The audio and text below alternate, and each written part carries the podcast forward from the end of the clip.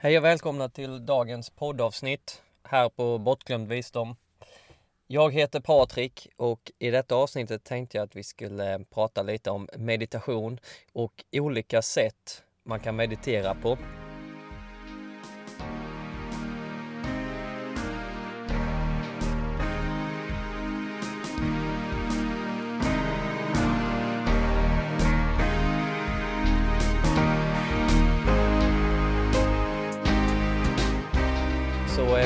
Meditation, bara för att börja, eh, är ju för att du ska lära dig och din hjärna egentligen, men ehm, lära dig att kunna slappna av, vara i, i, i en stund av, alltså bara vara i, i nuet, som det så klyschigt heter, men, men att bara kunna eh, lära sin kropp att slappna av, att Eh, Eh, släppa tankarna för en stund och att inte identifiera sig med dem och inte slungas in i, i tankesnurran liksom utan att lära dig själv och din kropp att kunna slappna av, släppa saker, lita på eh, att saker och ting kommer lösa sig. Och jag vill ju försöka att man ska ha en daglig meditationsrutin och det betyder eh, inte att du behöver sitta i flera timmar om dagen utan testa, har du aldrig gjort det förr så testa 10 minuter, en kvart, öka till 20, 30, 40 minuter. Du blir ju hela tiden bättre på, på att eh, just slappna av och, och kunna, på att kunna släppa dina tankar lite. Så för vilka typer av meditation finns det då?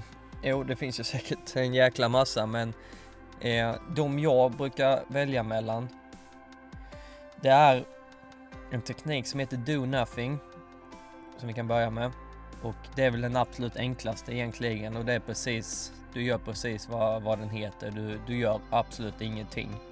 Vilket också kan vara svårt. Det är oftast det enkla som, som är det svåra. Det du gör det är att du sitter ner med ryggraden rak på en stol eller soffa, bara du har ryggen rak. Det gäller för alla meditationstekniker. Eller om du har meditationskudde, det är perfekt att kunna sitta på golvet. Det du gör i Do Nothing tekniken, det är att blunda och bara se dina tankar flyga förbi. Precis som molnen på himlen.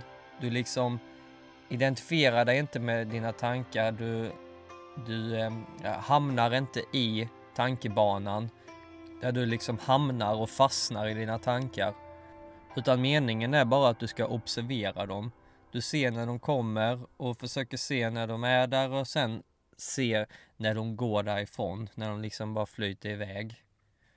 Och fundera gärna över var kommer de ifrån och var går de? Och vad händer däremellan? Så det är en sån enkel teknik. En, en sista teknik som jag tycker är rätt bra faktiskt. Det är att du sitter ner som vanligt med ryggraden rak och blundar. Och allting du känner, allting du ser, hör och så vidare. Och när jag säger ser, för du blundar ju i detta, men då menar jag dina tankar. Du både ser och hör dina tankar alla de här olika känslorna, intrycken, eh, det du hör, det du ser, eh, känslor i kroppen ska du försöka märka så, så, så mycket som möjligt. Och då, då eh, är det så att, säg känner du eh, dynan på stolen så går du går du till den känslan och så säger du eh, tyst för dig själv, känner. Att det är det du gör, du känner. Sen kanske du fortsätter och känner golvet mot dina fötter. Du säger också känner och så går du till den känslan. Och så fortsätter du känner, känner tills du verkligen, tills du verkligen är där i, i den känslan och verkligen känner. Samma sak om du ser, säg att du ser en tanke, säg om du ser en strand i dina tankar. Då säger du ser och så går du verkligen dit. Samma sak om du hör någonting.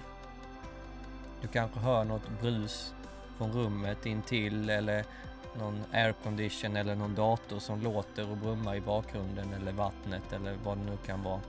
Så försöker du höra det och så säger du till dig själv hör, hör, hör, hör tills du verkligen går in i, det där, i just det där du hör. Och så ligger du kvar där i några sekunder innan du byter till en ny sensation liksom. Till en ny känsla. Och så fortsätter du. Eh, och så kommer du bli, först går det rätt så långsamt, men sen så kommer du kunna uppfatta mer och mer saker och oftare och oftare och snabbare och snabbare. Och till slut blir du liksom skitgrym på det här. Så eh, den skulle jag nästan tycka, jag tycker nästan bäst om den. Men kan man inte, eh, har man svårt och det är första gången så tycker jag man kör eh, do nothing. Just att inte göra någonting utan bara observera. Och inse att du är inte dina tankar, så går liksom, det är ju det, det är det hela lite syftet i detta är. Det är att du ska liksom eh, komma ifrån dina tankar. Och att du inte alltid behöver gå efter dem eller lita på dem utan lita på någonting eh, annat. Stressa av, lär dig slappna av. Det är bara då du kommer funka bra. Din mage kommer funka bra. Det, det finns många fördelar med meditation så, och avslappningsövningar. Hela din kropp blir ju helt annorlunda och man har sett det på de som mediterar att eh, de eh, tränar ju upp sin hjärna till att vara i det här tillståndet mer och mer under dagen. Det är det som är målet. Först lär du dig att slappna av under själva meditationen. Vilket senare, efter att du har tränat, så kommer det mer och mer i din vardag. Och det är ju där du ska ha störst användning av det. Så att, att meditera är, alltså det är eh, större, bättre än vad många kanske tror från början. Och det är inte eh, flummigt att sitta och meditera. Meditation ska vara för, för alla och det meditation eller avslappningsövningar eller andningsövningar, whatever liksom. Bara så att man lär kroppen att slappna av och inte är i det här stressmomentet ständigt.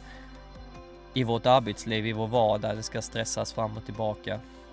Så jag hoppas eh, ni, eh, om ni tar någonting från detta så testa någon av de här teknikerna och sätt upp en vardagsrutin där du åtminstone 10 minuter, en kvart avvarar till att göra det här. Så kommer ni att få se att på sikt så kommer detta göra stor påverkan på er. Så jag hoppas tipsen har varit bra. Jag tackar för att ni har lyssnat på det här avsnittet av Bortglömd visdom. Eh, glöm inte att gå in och kika på min Instagram. Jag har även en ny Youtube-kanal med ännu mer tips. Så jag hoppas ni går in där och kommenterar och prenumererar.